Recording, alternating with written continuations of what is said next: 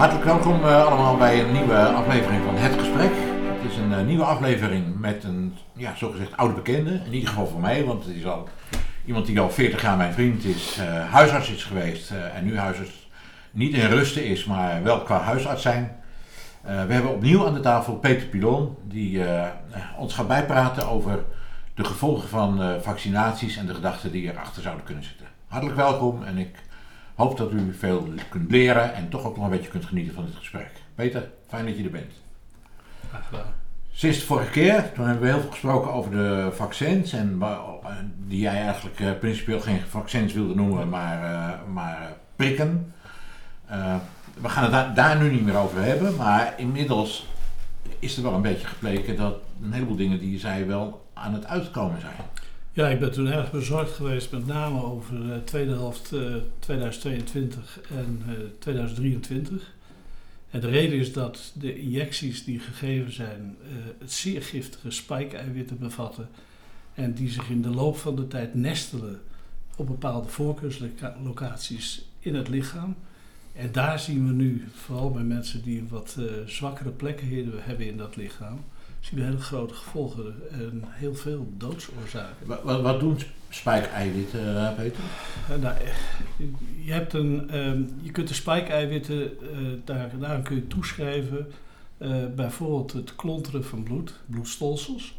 En zoals je weet zijn bloedstolsels zijn altijd de oorzaak van infarcten. Of dat nou een hartinfarct is of een herseninfarct.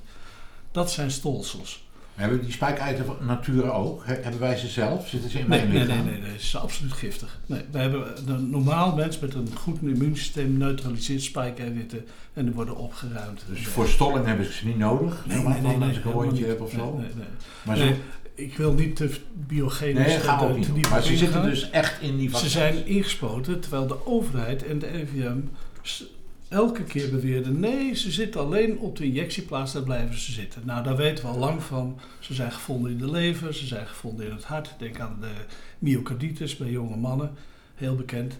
En wat heel, de tweede is naast de stolsel, is dat ze het aantasten, ze tasten aan het neuro, neurologisch systeem. En in de brede zin van het woord, dat kunnen zenuwbanen zijn, dat kan het ruggenmerg zijn, maar dat kunnen ook de hersenen zijn. En daar ben ik heel erg benauwd voor wat daarmee gaat gebeuren. Ik zie de narigheid al om me heen uh, daarvan komen. Zoals? Uh, vorige week een uh, jongen van 31 met een herseninfarct. Ja, dat kan helemaal niet. Dat is zo onnatuurlijk. Gezonde vent. Kan helemaal niet. Gebeurde dat vroeger dan nooit? Nee, nooit, niet op die manier. Nee. nee. Tenzij je een aangeboren afwijking hebt of wat ook. Nou, dan, wordt zo'n jongen vijf dagen in een ziekenhuis, keer hem helemaal binnen buiten. Uiteindelijk vinden ze een gaatje in de hartwand. En dan zeggen ze, ja, dat is de oorzaak. Ja, dat heeft hij al 31 jaar, daar geloof ik dus helemaal niks van. Nou kunnen wervelingen in het hart kunnen uiteindelijk stolsjes doen ontstaan die proppen gaan schieten, noemen wij. Dat, theoretisch kan dat. Maar die jongen was wel fors gevaccineerd. Dus ik zeg gelijk, van, nou dat weet ik zo net nog niet of dat de oorzaak is. Oké, dus dat is iemand waardoor je zegt, kijk, ik, zie, ik denk dat ik het thuis zie gebeuren. Maar zijn daar ook cijfers van dat dat bij nog meer mensen gebeurt? Of heb je daar gegevens van of hoor je dat? Hier, komen we op het meest problematische wat er nu gebeurt. In de eerste plaats weten we dat Nederland heeft een heel slecht regislatiesysteem. Dat is niet alleen sterk verouderd, maar het is ook zijn eigenlijk dateert nog van voor het computertijdperk. Het gaat met zogenaamde B-formulieren, A en B-formulieren. B-formulier, daar moet je opschrijven wat de doodsoorzaak is. Maar je bedoelt nu bij lijkschouwing? Of bij, bij, lijkschouwing, bij schouwing. Je ja? vraagt over cijfers. Ja? Dan kijk ik naar, niet naar ziekenhuizen van ziekte. Mensen kunnen beter worden. Uh, mensen met een heel gezond immuunsysteem worden, die, worden, die zijn bijna onaantastbaar voor de spijkeiwitten. Ja. Dat moet ik er ook bij zeggen. Maar mensen die dus uh, geschouwd worden, twee derde van die mensen worden geschouwd door mensen uit de eerste lijn. Dat wil zeggen huisartsen maar huisartsen zien de patiënt gemiddeld maar 8 uur per dag. Die andere 16 uur worden, worden de patiënt gezien door de huisartsenposten, zowel s'avonds als s'nachts. Dus twee derde daarvan wordt dus de patiënt die overlijdt, heeft twee derde, 66% kans dat hij geschouwd wordt door niet zijn eigen huisarts. Ja. Maar die weet vaak niet eens of die patiënt gevaccineerd is of niet. Nee. Gevaccineerd. Dat weet ik niet eens. Met andere woorden, die weet ook weinig van de voorgeschiedenis. We hebben wel elektronische patiëntendossiers, maar ook daarvan kun je, daar markeert ook van alles aan. Met andere woorden, de B-formulier wordt ingezet met ja, het meest voor de hand liggende. Doodsoorzaak, vaak is dat hartinfarct of als iemand al COPD heeft, dan wordt het COPD. Maar niemand gaat erachter zeggen, ja, maar dat, waarom nu? wat is de relatie met het vaccin geweest? Dat weet men niet. Nee. Nou, dat heeft ertoe geleid dat we op dit moment met een geregistreerde oversterfte zitten van ongeveer 3.500 mensen. Ja. En dat het, uh, uh, de officiële cijfers van het CBS nu zeggen dat 31% van de mensen overlijdt met oorzaak onbekend. Dat is raar in onze maatschappij. Wat was dat vroeger? Voor die, wat was dat voor? Hadden we niet. Nee, we hadden gewoon goede diagnoses. Maar we hadden ook geen storende factor onder de huid zitten, zoals het spijkeiwit. Dus nu krijg je dus iemand die dus nooit iets aan het hart gehad heeft. Laten we zeggen een late vijftiger. Plotseling overlijdt aan een hartinfarct door uh, enorme stolsels. En dan zeg je, ja, wat is de oorzaak? Ja, dat is een hartinfarct. Maar wat is de oorzaak van het hartinfarct? Onbekend. Nou, e-, e-, even kritisch, hè? want ik bedoel, mijn luisteraars zijn ook allemaal kritisch, dus ja, daar ben ik dan ook maar even. Ik heb zelf ook wel meegemaakt, eh, zowel bij de politie als als voorganger, dat iemand was overleden en dan kwam de arts. Eén eh, keer zelfs in, in, een zaak die uh, heel geruchtmakend is geworden, want dat bleek later een moord te zijn. Die man die was vermoord door middel van waarschijnlijk insuline in mijn gemeente. Ja. En die arts die komt en die schouwt en die zegt ja, hartstilstand. En dat was dan de oorzaak. Ja. En dat, daarmee toon je meteen aan hoe, uh, hoe men dus werkt. Men werkt dus symptomatisch. Men, men, ziet van, ja, dat is een hartstilstand. Nee, het is geen hartstilstand, het is een stolsel. Maar waar komt dat stolsel vandaan? Ja, maar daar houdt het dus al op. En als gevolg daarvan zien we dus dat de doodsoorzaak eigenlijk niet is vast te stellen zonder obductie. Nee. Ja, we kunnen niet 150.000 mensen per jaar obductie gaan toepassen. Nee. Nou, wat is er in Nederland? Is bij COVID verboden om obductie te doen. Verboden? Verboden. Vertel me niet en vraag me niet waarom. Door wie verboden? Door de overheid. Door de minister. Er mag dat, geen... dat is officieel? Dat ja, staat, officieel. Er, staat ergens? Ja. Er mag op COVID-patiënten geen obductie worden. Speciaal op COVID-patiënten? Ja. ja. Of dat destijds te maken had met risico op verspreiding, wat ook overigens ontzettende flauwekul is. In Duitsland niet. In Duitsland is een pathologisch instituut aan de gang gegaan en die vond dus bij, die had dus een aantal mensen die dus een doodsoorzaak, een schouwende oorzaak hadden gehad van nou, dat is een hartinfarct of dat is dit of dat. En dat bleken dus allemaal volledig verspreide spijkeiwitten in alle organen te zijn. Die kun je dan bij ja, obductie aantonen? obductie kunnen aantonen, ja. ja wat ook nog even bij mij bleef hangen, wat jij zegt, gezonde mensen met een goed afweersysteem, die gooien die spijkeiwitten er gelijk uit. Maar, maar, maar niet dus als ze ingespoten worden. Nee, eh, nee wel. Ze kunnen zelfs. Daarom zie je dus. ik zeg altijd tussen de 80 en 90 procent van de mensen zullen geen enkel last hebben van de van het vaccin. nepvaccins. Dus zullen ze geen ook van die spijker die, die, vernietigen gelijk zelf. die, die, gooien ze eruit. We worden de hele dag gebombardeerd met virussen. En ook die virussen hebben spijkerwit. Maar die, gooien, die neutraliseren we, gooien we eruit. Maar daar waar het immuunsysteem zwak is. Ja, dus dat is bij ouderen, daar is het sowieso. Ik zal je nog een voorbeeld geven, wat, daar is een nieuwe term voor bedacht. Dat heet turbokanker. Turbokanker betekent mensen die zijn dus 1, 2, 3, 4 jaar geleden volledig na chemokuur en bestralingen vrij van kanker. Ze krijgen de injectie binnen een half jaar zijn ze dood aan die kanker. Op de een of andere manier, ik weet niet hoe het werkt, maar op de een of andere manier uh, induceren die spijkereiwitten opnieuw de kanker. De reeds bestaande ziekte. Ja, ja. Maar dat is dus een zwakte. Bij kanker heb je allerlei afweerstoffen al gebruikt. Je bent ernstig verzwakt. Ja. Ja, maar die mensen hebben dan alweer een hersteld immuunsysteem, alleen nooit zo optimaal zoals nee, wij het hadden, zeker niet naar de chemokuur. Nee. De andere kant is dat ja, het kan ook gebeuren zonder. En daar blijft dus steeds dat wazige grijze. Dus het is heel moeilijk te ontdekken. Het is heel moeilijk te ontdekken. Je kunt het enige wat je hebt is kijken naar cijfers. Maar dan hebben we dus een probleem.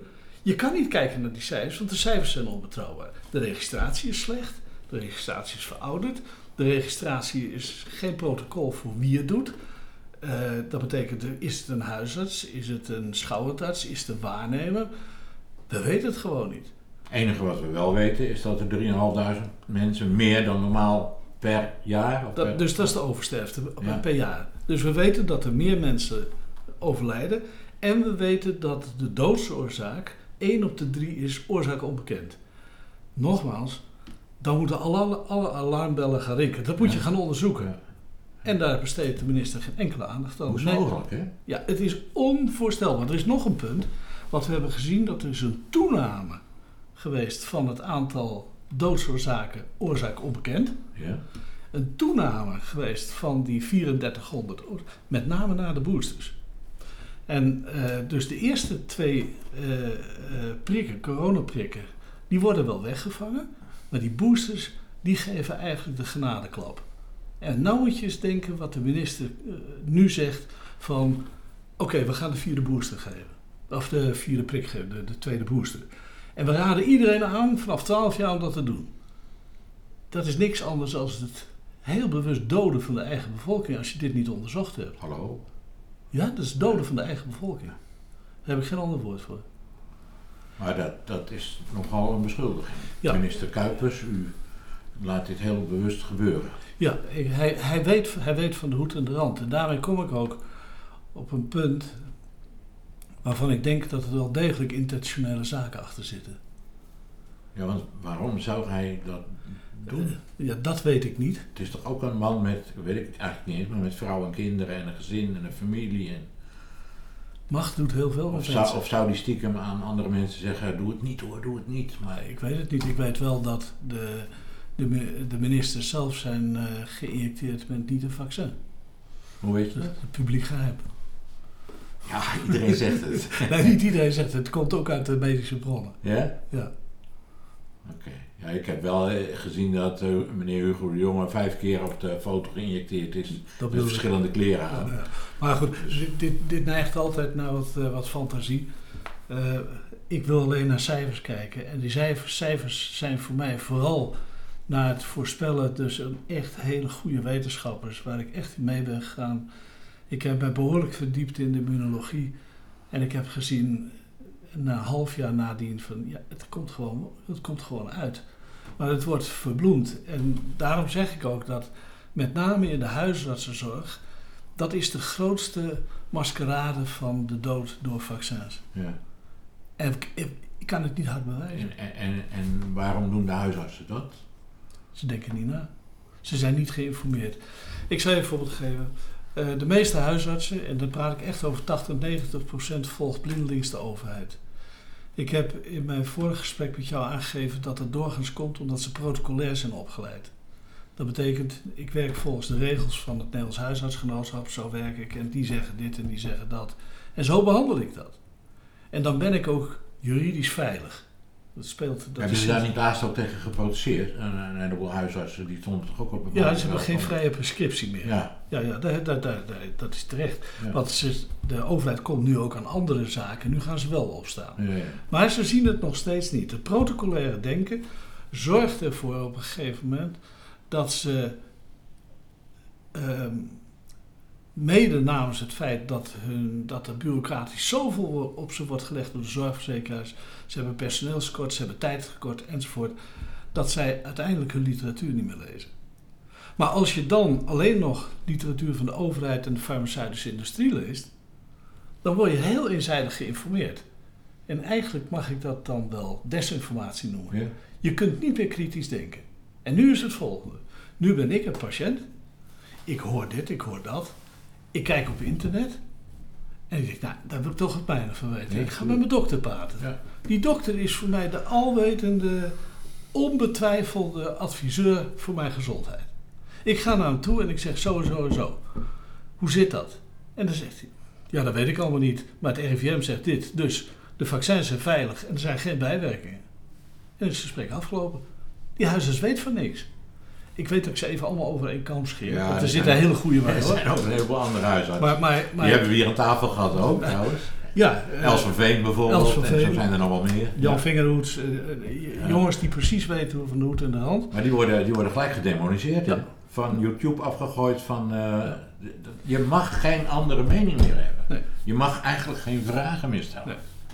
Kijk, de tweede lijn, de specialisten, ja, die zijn allemaal afhankelijk. Eén van hun onderzoeken door financiering van de farmaceutische industrie. De overheid doet het namelijk niet meer. Twee, Ze verliezen hun baantje, als het zeggen. Ik ken er al een aantal voorbeelden van Nederland die eruit zijn geschopt. Ja, die bedenken zich wel twee keer voor ze zich publiekelijk uiten. Nee, je wil niet Jan Bont achterna. nee, nee. Om maar een voorbeeld te noemen. Ja. En dan zie je dus bij de huisartsen, maar daar ligt, daar ligt de grote, de, de, de grote hoeveelheid van gezondheidszorg. Die ligt in de eerste lijn. Maar die huisartsen moeten toch ook schrikken van zulke berichten als, we hebben er zelfs al een officiële naam voor, hè? Uh, uh, suddenly Adult Death Syndrome, ja. SADS. Heel sad, vind ik, maar, ja. maar ja, daar moeten zij toch ook van horen en denken van, wat is er aan de hand? als zolang SADS geen anatomisch substraat heeft, dat betekent dat ze niet, ik kan dan, kijk, daar, ik maak hem open, daar zit het. Doen ze er niks mee. Nee. Want de overheid doet er namelijk ook niks mee. En ze volgen de overheid. En dit is, uh, ja, je voelt je soms een Don Quixote tegen de windmolens. Maar dit is dus eigenlijk een oproep, zou ik wel zeggen, ook aan alle huisartsen Mijn in Nederland. aan alle lees. ga lezen en lees niet alleen de informatie die toegereikt wordt door de overheid en de farmaceutische industrie. Ga kijken naar zeer gerenommeerde wetenschappers van wereldniveau. In Nederland hebben we ze ook, een Theo Schetters, een Peter Borger, uh, zelfs de, de, oude Pierre Capel nog. Dat soort jongens. En die zien het, vooral Theo Schetters ziet het heel scherp. En als je daarop gaat letten, ja, nou ja... Dat, ja, maar die zet ook een video online en, uh, met Robert Malone en die wordt er zo hop afgeknikt. Ja, ja. ja er, er zijn... Uh, een positief ding is, ik heb wel de indruk dat er steeds meer stilletjes wakker worden. Ze komen niet echt naar buiten, maar ze zijn positieve twijfelaars. Huisarts ook. Huisarts ook, ja. Ja, oh, alleen, alleen ja, ze, uh, ik heb daar zelf in de jaren, zo'n twintig jaar geleden, fors aan meegewerkt dat ze allemaal in samenwerkingsverbanden gingen werken. Verder zijn ze, het meeste is dus part-time. En dat betekent dus dat je gewoon onder druk gezet wordt door de mensen die er anders over denken. Maar dan word je binnen je groep onder druk gezet. Dus, maar goed, huisartsenzorg, die vangt de grootste klappen op de meeste vragen van de bevolking en die hebben geen antwoord.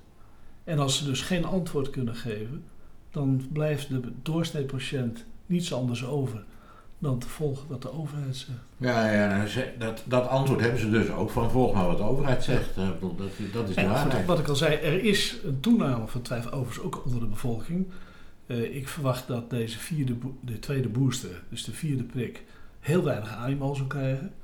Uh, even een pikant detail is dat minister Kuipers een off-label heeft verklaard. verklaard. Maar toen dus ivermectine en hydrochloroquine voorgeschreven, werd dat onmiddellijk off-label verklaard met een boete van 100.000 euro. Ja. Dat is raar. Dat is raar. Dat is eenzijdig doen waar ik zin in heb. Want even voor de, voor de kijkers, of label verklaren betekent? Betekent dat je iets toedient waarvoor het niet is geregistreerd. Let op, minister Kuipers geeft dus een booster waarvan hij zelf zegt, daar is hij niet voor bedoeld. Daar is hij niet voor geregistreerd. En dat betekent dus dat, dat huisartsen daarover moeten informeren? Dat sowieso, maar dat betekent ook dat de minister niet verantwoordelijk kan worden geacht dan niemand anders dan degene die hem toedient. En dan gaat er weer een luikje open en dan denk je, hoeveel dokters denken daarmee na? Hoeveel verpleegkundigen denken daarmee na dat ze dus juridisch verantwoordelijk zijn voor de gevolgen van de prik die ze toegediend hebben? Nee. Kun je wettelijk nakijken dit? Ja, ja ik, ik, heb het ook wel eens gezien. Maar weet je, wat er ineens om me heen schiet, zomaar nu hoor, denk ik van ja, hoe meer doden er dus vallen of hoe meer ziekten er zijn, hoe minder belang die huisartsen hebben bij het ontdekken van de ware oorzaak, want ze zijn persoonlijk aansprakelijk. Ja, dat, dat zou nog een heel vervelend gevolg kunnen zijn. Ja. ja, en dan krijg je de omgekeerde wereld.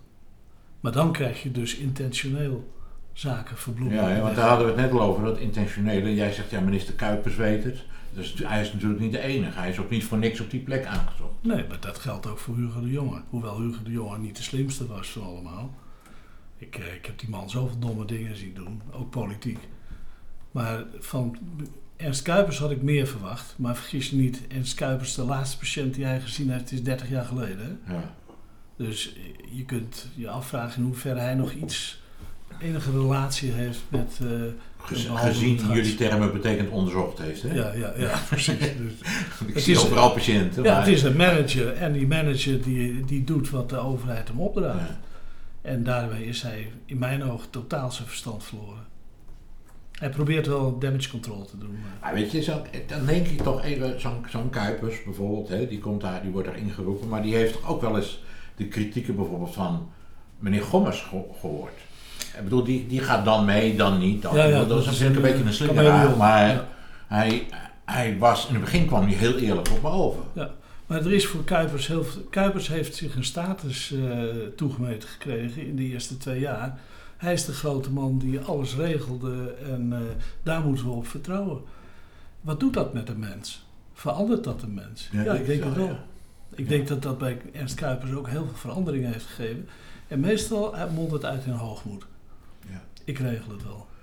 Maar goed, dan gaan we dus terug even naar dat intentionele. Dat betekent dat het opzettelijk wordt gedaan, hè, met een be- bepaalde bedoeling. Dat kun je niet zomaar zien, dat kun je alleen maar vermoeden. Ja, Ik vind- Ik vind altijd een leuk voorbeeldje, ik weet niet of jij het kent, maar als ik naar buiten loop en ik hoor ineens krak onder mijn voeten en ik heb vier, vier slakken doodgemaakt, dan zeg ik, goh, wat gebeurde dat? Dat was niet mijn bedoeling om die slakken dood te maken. Dan ging dat per ongeluk. ja, Maar als ik naar buiten loop en ik zie daar vier slakken en ik denk, wat een roodbeesten, en ik zet mijn voet erop en maak ze dood, dat is wat anders. dat is heel wat anders. Niemand kan zien wat het verschil is. Het Nee. verschil is niet te zien. Nee. Maar dat soort dingen zit dus ook in. Ja, je ziet het vandaag heel veel met een wesp. ja, Heel nuttig diertje. ja, Maar hoeveel mensen zetten met intentie de voet erop dat die dood precies. Ja. Ja, gevliegenmepper enzovoort. Maar ik bedoel, zit die intentie om mensen met een verkeerd vaccin te vaccineren of bang te maken of wat dan ook, zit die daar ook in? Of, Ja, dan moet, je ga, dan moet je eigenlijk gaan naar een veel diepere laag en dat is ideologie. Ga door. Als je, ideolo als je een ideologie voorstaat en die ontstaat niet in een dag, die bouwt zich jaren op. En je ziet, je bent ervan overtuigd dat er bijvoorbeeld overbevolking is. Je bent ervan overtuigd dat eh, de hele wereld eh, met giftig CO2 zit en met giftig stikstof. En, en al deze crisissen, dan bouwt zich een ideologie op die dan aangestuurd kan worden door mensen die vermeende oplossingen hebben. Eh, een, die, een van die mensen is natuurlijk Klaus Schwab. Ja. zijn Great Reset. Overigens kan die ook slachtoffer zijn, denk ik. Dat hij ook denkt dat die aarde warmt op en er zijn te veel mensen en er zijn Ja, in die zin, dat hij dat echt denkt. ja, ja, dan moet je wel je gezonde verstand verloren hebben. Ja. Je, kun- je hebt ook gewoon ge- gezond verstand. Ja, ik bedoel, ook een ideologie. En dat, dat is het griezelige van een ideologie die zich uiteindelijk vormt. Dat is dat mensen gezond verstand verliezen. En dat zie je dus heel erg sterk in sectarische gebeuren. Mensen doen dingen dat ze niet eens meer weten. Ik ga eens niet. Nee. Natuurlijk heb je het geweten. Je hebt je verstand niet gebruikt. Ja. En, eh, dus als je gaat kijken naar intentioneel, dan moet je toch gaan kijken welke ideologie, waar, waar staan die mensen eigenlijk achter? En dan vind ik het Wat toch. willen ze bereiken? Wat willen ze bereiken? Waar, wat, wat, wat zijn hun intenties? En als ik zie hoe eh, bijvoorbeeld Mark Rutte idolaat is van Klaus Schwab, dan is dat niet omdat het zo'n mooie kale man is, maar het is om vanwege zijn ideologie. Ja. En als je die ideologie adoreert, dan ga je hem ook uitvoeren. Zeker als je een positie hebt waarin je eigenlijk ongenaakbaar acht in de macht die je hebt. Ja, daar, dat heb ik dus heel sterk bijvoorbeeld bij ehm, eh, Hugo de Jonge gezien. Dat- met alle respect, maar het was toch ook een verdwaalde schoolmeester die met allemaal dingen ging zeggen die hij helemaal niet kon. Hij had er ook nul verstand van.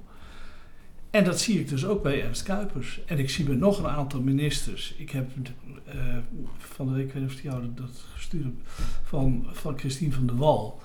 Die op een gegeven moment een aantal vragen moet beantwoorden. En niet één vraag kon beantwoorden, Ja. gewoon over stikstof. Kon ze niet.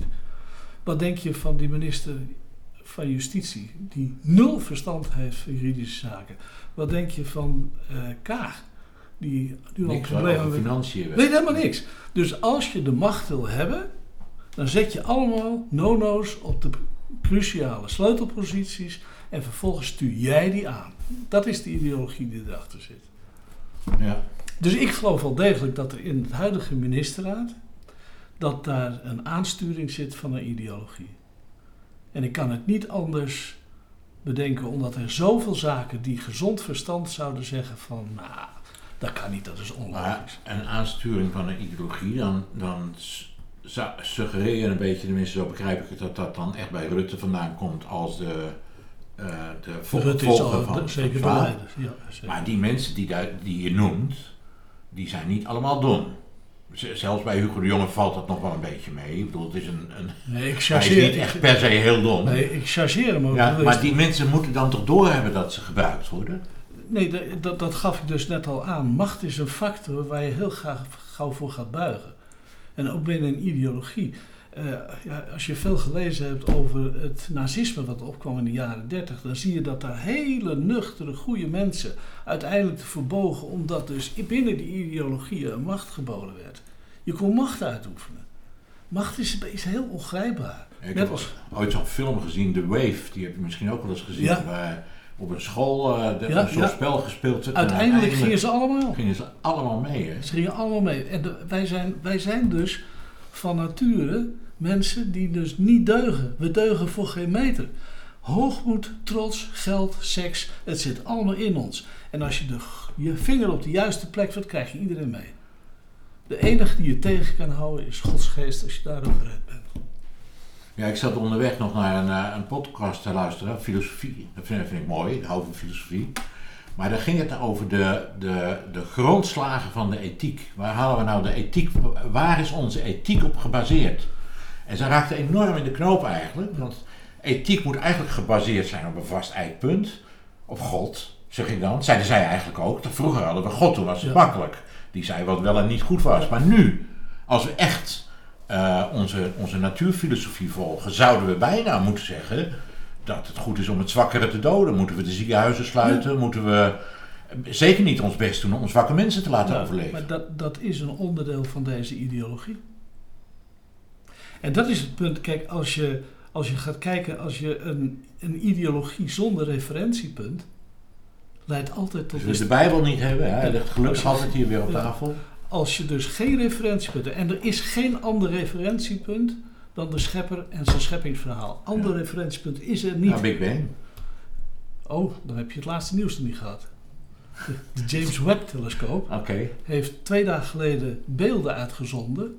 die dus de hele Big Bang-theorie op zijn kop hebben gezet. En de wetenschappers zijn echt in paniek. Echt? Ik kan het aan je doorsturen. Ja, dat moet je hier doen. Ja. Maar uh, dus ook de, ook de Big Bang wordt alweer achterhaald. Maar de, de, het referentiepunt, als dat weg is en wij erkennen dat het enige referentiepunt punt is God en is de Bijbel, dan leidt elke ideologie tot destructie. Dat is een vast gegeven, dat is een wet. Ja. En uh, zo zie je dat uh, als je dan nog even kijkt naar andere aspecten van die ideologie, is bijvoorbeeld de stelling, je ziet hem steeds vaker opkomen, uh, je bezit niets en je bent gelukkig. Ja. Er, zijn, er is een groot verschil tussen bezit en eigendom. Eigendom is iets eigens. Dat is mijn leven, dat is mijn lichaam. Dat is eigendom. Dat is niet mijn bezit. Dat is eigendom. Ja. En als je daar geen onderscheid meer tussen maakt, dan dat doet die ideologie, dan ben je weg. Maar goed, ik wil niet de hele ideologie nee, maar spreken. Ik, ik, ik, snap het. Ik zit gewoon te denken aan mijn oude politievak waarin we leerden over wat diefstal was. Ja. En dat was iets wegnemen met het oogmerk, dus weer met de intentie, de gedachte, om het je wederrechtelijk toe te eigenen, oftewel er eigenaar van te worden. dus als ik iets van jou pak en ik, denk, of, of, ik vind iets van jou, ik zie dat je het laat vallen en ik denk, oh, dat breng ik dadelijk even terug. Dat is geen diefstal. Ja, ja. Uh, als ik denk, uh, nou, ik leg het even thuis neer en ik wacht wel of hij het komt halen, is nog geen diefstal, maar wel een beetje twijfelachtig. Maar als ik het pak en ik denk, hé, hey, dat is van mij, ja. dan is het diefstal. Hè? Dus dan, dan maak je het tot je eigendom. En dat, dat zit ook in deze ideologie dat, dat zit, daarom terugkomend op je vraag, denk je echt dat er mensen zijn die met een bedoeling achter zitten? Ik kan het niet bewijzen, maar aan de vruchten ken men de boom. Ik zie wat er gebeurt. Ik zie dat als ze dus dingen die met gewoon verstand voorgehouden worden, wordt het willens en wetens verworpen. En natuurlijk weet ik niet precies, ik kan niet in hun hoofd kijken, ik weet niet wat er achter de schermen aan overleg is, maar ik zie wel dat het niet klopt. En dat gevoel heb ik, gaat in Nederland nu meer en meer spelen. Maar ja, of het te laat is, weet ik niet. De injectie zit al bij 11 miljoen mensen zit die erin. Ja, zou dat echt zo zijn? Ja, waarvan ik, denk, waarvan ik zelf denk dat 9 tot 10 miljoen mensen er geen last van hebben. Maar je hebt wel de bevolking uitgedund. Ja. In, in, uh, er zijn wel onderzoeken geweest. Hè? We hebben het laatst even over een onderzoekje gehad. Ik had je dat ook toegestuurd. Van, ja. van, dat is dan op een vrij kleine schaal, maar uit wat toch wel uh, peer-reviewed is, hè, zoals ze dat noemen. Ja. Waaruit nou bleek dat dit waarheid is. En wat doet, wat doet Ernst Kuipers daarmee? Dat weet ik niet. Dat meneer Ernst Kuipers, wat wilt u daarmee doen, zeg ik maar, bij deze? Hoe komt het dat Zweden en Denemarken de, de injecties, in ieder geval voor kinderen, inmiddels volledig hebben afgeschaft? Is dat omdat ze dat niet nodig vinden? Ze weten dat de bijwerkingen veel erger zijn dan uh, de winst. We weten inmiddels ook dat, we hebben ook gekeken in onderzoeken, wat is de winst van een vaccin? De gezondheidswinst. Ja. En die blijkt in meerdere onderzoeken, hele grote, van 27.000 mensen, nul te zijn. Dus op zijn allergunstigst heeft het vaccin niks gedaan. Heeft wel een hele hoop geld gekost trouwens. Maar nu gaan we kijken wat die de bijwerkingen zijn. En in Nederland registreert het LAREP nu ongeveer 650 bijwerkingen. Nou, dat is niet waar. Dat, eh, want er wordt niet gemeld. Dat is nog een, een verhaal apart. In Nederland is de melding van bijwerkingen vrijwel nul. Wordt meestal gedaan door familieleden of wat dan Althans, dan heb je de secundaire meldingen. Het gevolg is dus nu dat wij ongeveer denken dat er 3400 het aantal van oversterften aan dodelijke bijwerkingen zijn. En wij denken dat dat 1, uh, 10% is van de werkhoeveelheid. En dan praat ik over 34.000 doden. Mijn hemel, dat is een hele stad, joh. Dat moet je met een pilletje doen. Ja. Nee, wat gaan we doen? We gaan door met deze boosters. Ja, ik weet ooit nog. En dan zeg ik inderdaad tot minister Kuipers: waar is uw verstand? Ja. Lees uw lekkere literatuur. En gebruik uw gezond verstand. Ja. En lees dat ook eens een keer. Ja, precies. Er schijnt een krantje te zijn wat zo heet. Ja. Uh, nou ja, goed. Uh, een ander positief ding is dat er wel steeds meer onderzoeken naar voren komen die de, de, de, de, de kwalijkheid, dus de, de dodelijkheid van de vaccins aantonen. Ja. En dat, uh, dus ik wil een oproep doen aan iedereen die hier naar kijkt. En daarom zou ik tegen iedereen willen zeggen: neem geen booster meer. Het kan je je leven kosten. Dat is echt uh, harddringend, maar waarschijnlijk noodzakelijk. Ja. Om dat zo ja. te zeggen. Dat zeggen, we ook tegen al die mensen die hun artsen zo vertrouwen. Tegen uh, oude mensen die ik ontmoet in mijn gemeentes waar ik voor ga. Ja. En die zeggen, ja, maar ik ben ingeënt hoor. En ik uh, heb de booster ook hoor. Dus het gaat allemaal goed komen. Ja. Nou, het is heel verdrietig als je ziet hoe mensen misleid worden. En uh, ja, we, we leven in maatschappij dat de mens misleid wordt door de duivel. Maar we zien ook dat de mensen misleid worden door gewone informatie. En door gebrek aan informatie. En daarom wil ik nog een keer de, de vinger leggen op het feit, daar waar het eerste contact is met de gezondheidszorg, is loopt via de huisarts. En daar is te weinig kennis om antwoord te geven, adequate antwoorden te geven op vragen over deze zogenaamde vaccins. We zouden eigenlijk de huisartsen op één of twee A4'tjes allemaal persoonlijk moeten benaderen met een brief van leest u dit nu eens door. Ja, ik denk dat je meteen de inspectie achter je aan krijgt. Nou ja, maar je mag toch iedereen een brief sturen? Of niet? nou, ik sta toch al op de zwarte lijst. Dus. Uh, nee, maar ik zou, ik zou daar wel, uh, ik zou daar wel voor willen gaan. Misschien dat er sponsors zijn die zoiets willen sponsoren. Dan, dat is niet nodig. nee, dat E-mail is heel goedkoop hoor. Ja, ja maar nee, ik zou echt een brief. Ja, hardcopy. Bijna aangetekend, weet je wel. Dat ze hem moeten lezen. Maar, ja. Peter, we, zijn, we zijn begonnen met een heleboel dingen. We hebben het over de Bijbel gehad. Ik met de vorige, vorige gast, die moet nog online komen. Dennis Paanstra, die, als dit uitgezonden wordt, is die al online geweest. Ja. Er is een uh, politieman die, die uiteindelijk ontslagen is om zijn uh, mening over deze zaken. Ja. Dat was heel, heel grappig. Hij was niet per se een gelovige politieman, maar hij begon met een Babylonische spraakverwarring. en daar ben ik maar gelijk op ingegaan. Ja. Want het is natuurlijk een beetje Babel wat gebouwd wordt. Wij zijn, de, de wereld is Babel aan het bouwen. Ja, absoluut. En, en, en we, ik, bedoel, ik, ik, ik heb al zo dikwijls gezegd dat ik mensen heb gehoord, zoals geloof ik Paulus Schwab, die zei, we are going to do it better than God. en dat, dat zeiden precies de mensen die de toren van Babel gingen bouwen. Ja, we gaan meer dan God zijn. Gisteren was er een interview met iemand uit Silicon Valley. En die gaf aan dat hij inderdaad, dat ze bezig zijn iets beter te bouwen dan God heeft gedaan. Ja. Waar je de onzin vandaan haalt. Ik ga het besluiten. Dankjewel uh, voor, uh, voor al deze informatie die over me heen uh, gerold is en die dadelijk ook over mensen heen rolt. Zelf zou ik nog heel persoonlijk tegen u willen zeggen, misschien spreekt het u helemaal niet aan. Zo'n zo'n Bijbel, of waar hebben ze het nu over? Een schepping of beter dan God? Maar heel verstandige mensen zijn ervan overtuigd. Verstandige mensen zoals wij onszelf ook vinden. Ik bedoel, je hoeft echt niet achterlijk te zijn of onder een dictatuur te leven om te geloven dat er een God is die de hemel en de aarde heeft gemaakt. En die alle dingen vast in handen heeft. En hij heeft ons een gebruiksaanwijzing gegeven waarnaar we mogen leven. En als we volgens deze gebruiksaanwijzing leven, dan kunnen we goed en kwaad uiteindelijk onderscheiden. Dat wat in het begin van de Bijbel opgeschreven staat, dat de duivel zei van joh, dat, uh, zo kun je beter dan God zijn, dan kun je goed en kwaad onderscheiden.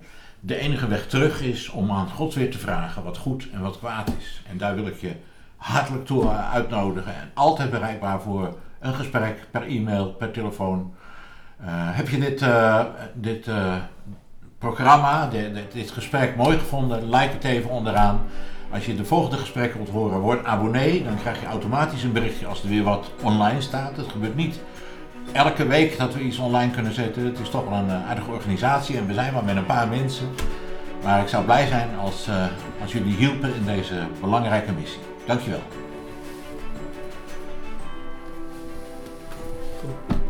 wel.